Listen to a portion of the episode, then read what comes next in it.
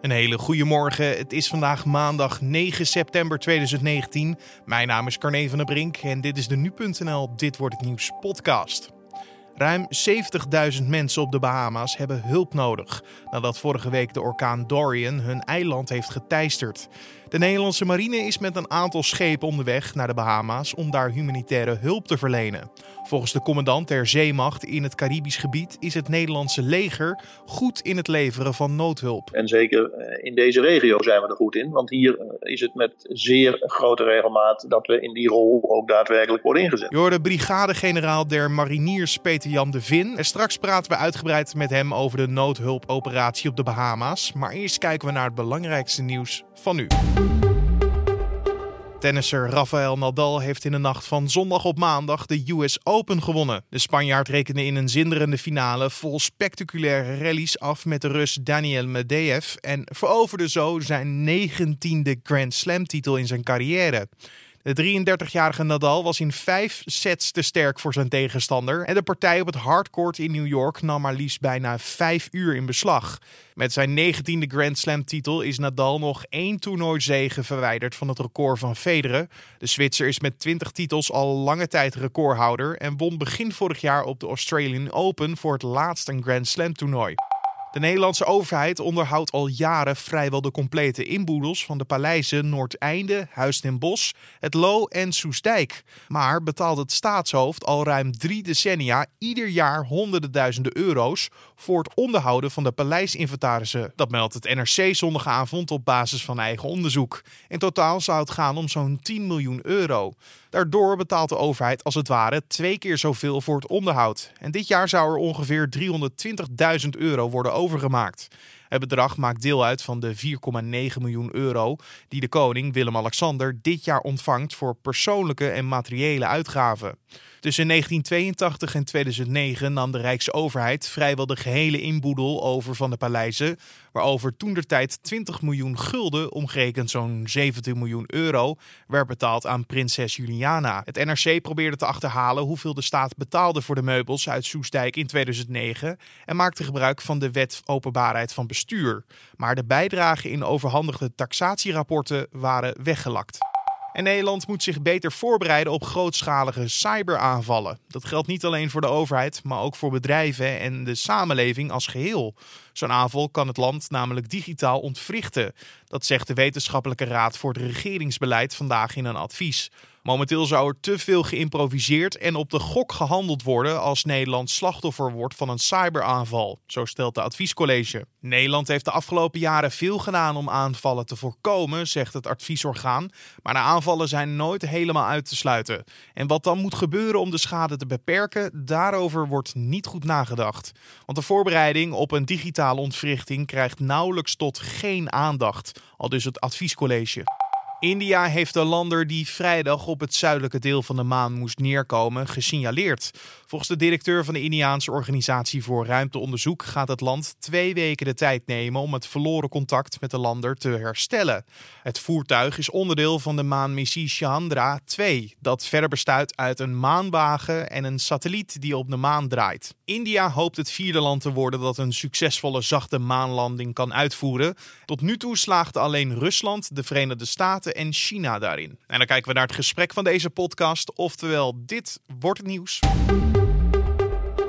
De Nederlandse marine is met een aantal schepen onderweg naar de Bahama's om daar humanitaire noodhulp te verlenen. Het land is zwaar getroffen door de orkaan Dorian en volgens de Verenigde Naties hebben 70.000 mensen dringend hulp nodig. De Nederlandse marine was al in het Caribisch gebied omdat vandaag een oefening zou beginnen om juist dit soort situaties het hoofd te bieden. Twee jaar geleden bijvoorbeeld was Sint Maarten aan de beurt toen orkaan Irma veel schade veroorzaakte. De oefening van vandaag is afgeblazen omdat even verderop een echte ramp bezig is. Over de noodhulp en over wat orkanen met een eiland kunnen doen, sprak collega Jan van Houten met brigadegeneraal der mariniers Peter Jan de Vin. Hij is de commandant der zeemacht in het Caribisch gebied en we belden met hem op Curaçao. Want hoeveel militairen zijn er onderweg naar de Bahama's? Er varen op dit moment om en nabij 650 militairen richting de Bahama's. En die zijn ingedeeld over twee schepen. Dat is uh, de Zijne Majesteit Johan de Wit en de Zijne Majesteit uh, Snellius. En daarnaast hebben we op dit moment al vier liaison-officieren uitgebracht. En die opereren nu vanuit Nassau, Bahama. Een, een, deel van de militairen en de schepen was al in de buurt, omdat er vandaag een oefening uh, zou beginnen. Die is afgeblazen. Dat jullie juist in deze periode een oefening wilden houden, dat, dat is geen toeval, lijkt mij. Nee, daar zijn we twee jaar geleden na Irma uh, eigenlijk al over uh, gaan nadenken. Uh, en toen hebben we met elkaar afgesproken dat we eens in de zoveel tijd hier in dit gebied een uh, oefening uh, organiseren waarbij ook eenheden vanuit Nederland betrokken worden. Ik heb hier normaal gesproken een Ocean Going Patrol Vessel en de Zijne Majesteit Pelikaan. Dat zijn mijn eigen twee schepen. En tijdens dit soort oefeningen dan laten we juist eenheden vanuit Nederland participeren. En we hebben er heel bewust voor gekozen om dit inderdaad in de piek van het orkaanseizoen te doen. Ja, dus een, uh, een deel van de schepen was al in de buurt, uh, maar die is afgeblazen. We zien inmiddels de beelden nu vanuit de Bahama's waar Dorian heeft, heeft plaatsgevonden. U zei net al, twee jaar geleden heeft Irma Sint Maarten aangedaan. daar, was u, daar bent u een aantal keren geweest. Kunt u beschrijven wat een orkaan doet met een eiland als, als Sint Maarten of als, als Bahama's? Wat trof u aan daar? Nou, dan tref je chaos en ontreddering aan en dan is er ongelooflijk veel kapot. Je kunt je dat nauwelijks voorstellen. Irma was al verschrikkelijk. En ik heb nu ook beelden gezien van met name de Abaco-eiland, eh, maar ook de Grand Bahama's. Eh, Dorian is een kat 5 orkaan geweest en die heeft daar om en bij 24 uur boven gehangen. Ja, en dat is gewoon ongelooflijk lang. En dan is het bijna niet voor te stellen wat dat met de omgeving doet. En de beelden die we nu ook gezien hebben, dan zie je gewoon hele wijken die gewoon weggevaagd zijn. Dan zie je eigenlijk alleen maar rommel. Rommel en stukken uh, huizen en, en, en daken. Uh, het is één grote chaos. Ja, het, het vliegveld is verwoest. De havens zijn er ook slecht aan toe. Wat, wat kunnen jullie dan doen op de Bahamas? Wat, wat, wat, wat, wat zijn de eerste taken die de militairen hebben daar? Nou, je kunt het een beetje in fases indelen. Hè. Als een orkaan een uh, eiland raakt of een, land raakt, dan is in eerste instantie hè, de eerste 48 uur, dan wel de eerste, eerste week, staat vooral in het teken van nood-nood. Uh, dan, dan ga je mensen trachten te redden, hè, gewonden. Uh, en dan moet je ook beeld krijgen bij wat is daar nou precies gebeurd. En vervolgens welke lokale instanties functioneren nog. En is iemand in staat om de coördinatie van enige hulpverlening op zich te nemen? Nou, dat is echt in die eerste periode de meest grote uitdaging. Dan moet je ook vooral denken aan hulpverlening in de zin search and rescue. Je gaat mensen eventueel van, vanuit de eilanden evacueren naar een ander gebied. Je levert uh, medische hulp.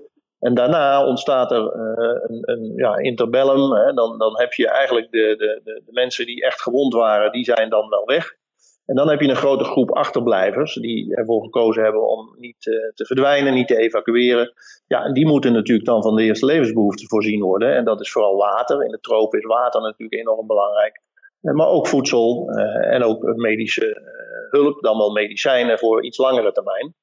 Nou, dat wordt op dit moment dan georganiseerd en daar zullen wij als marine vooral een rol in vervullen. En we kijken ook of dat er een aantal ja, hapklare projecten te identificeren zijn, hè, waarmee je ook de lokale uh, instanties alweer eh, in hun kracht kunt brengen.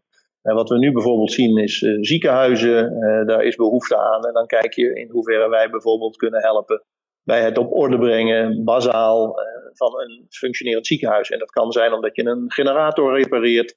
kan zijn omdat je daar wat extra voorraden bij aanbrengt. maar dat kan ook zijn dat je helpt bij het weer up en running krijgen van een politiebureau. En het kan natuurlijk ook gewoon zijn dat je bepaalde wijken eh, toebedeeld krijgt en dat je daar vooral de arm uit de mouwen steekt. En je gaat ook helpen met het distribueren van vooral water en voedsel. Ja, de, de zijn majesteits uh, Johan de Wit, uh, zo'n amfibisch, amfibisch transportschip. de, de Snellius is er een, een hydrografisch schip. Wat, wat hebben die, die schepen voor kwaliteiten die juist op, op de Bahama's van nut kunnen zijn? Nou, een hydrograaf is natuurlijk erg makkelijk, omdat op een eiland heb je 9 van de 10 keer ook een, eh, een haven. En je weet niet wat daar allemaal uh, inmiddels op de bodem ligt. Dus de hydrograaf, omdat hij ook kleinere bootjes heeft, kan ook tot heel dicht onder de kust en in de havens uh, opnames maken van de gesteldheid van de bodem en wat daar dan ligt. Dat wil je met name ook doen langs de kades. Als daar grotere schepen naartoe moeten, dan wil je niet dat die aan de onderkant beschadigd worden. En de Johan de Wit, het voordeel van de Johan de Wit, omdat je nu een situatie krijgt waarin je je hulpverleners. Ja, er is geen hotel hè, waar je kunt inboeken als hulpverlener van waaruit je gaat werken. Er is ook geen restaurant of, of, of anderszins iets in place waar jij uh, dan ook de, de maaltijd kunt nuttigen. Dus de Johan de Wit heeft dat allemaal bij zich. Maar daarnaast heeft de Johan de Wit ook helikopters en een aantal kleinere boten, waarmee ik noem dat dan een soort van nichegebieden. De gebieden die dan wat lastiger bereikbaar zijn voor anderen, die zijn vanuit de, de, zee door de middelen van de Johan de Wit goed bereikbaar. En dan kun je je ook in goed onderling overleg met de lokale autoriteiten focussen op die gebieden die mogelijk wat minder al bereikt zijn vanwege de, de moeilijke ligging en een vliegveld of een haven die nog niet toegankelijk is. Het uh, Nederlands leger is altijd goed geweest in ondersteunende taken. Geldt het ook voor, voor noodhulp? Is dat een specialiteit van ons?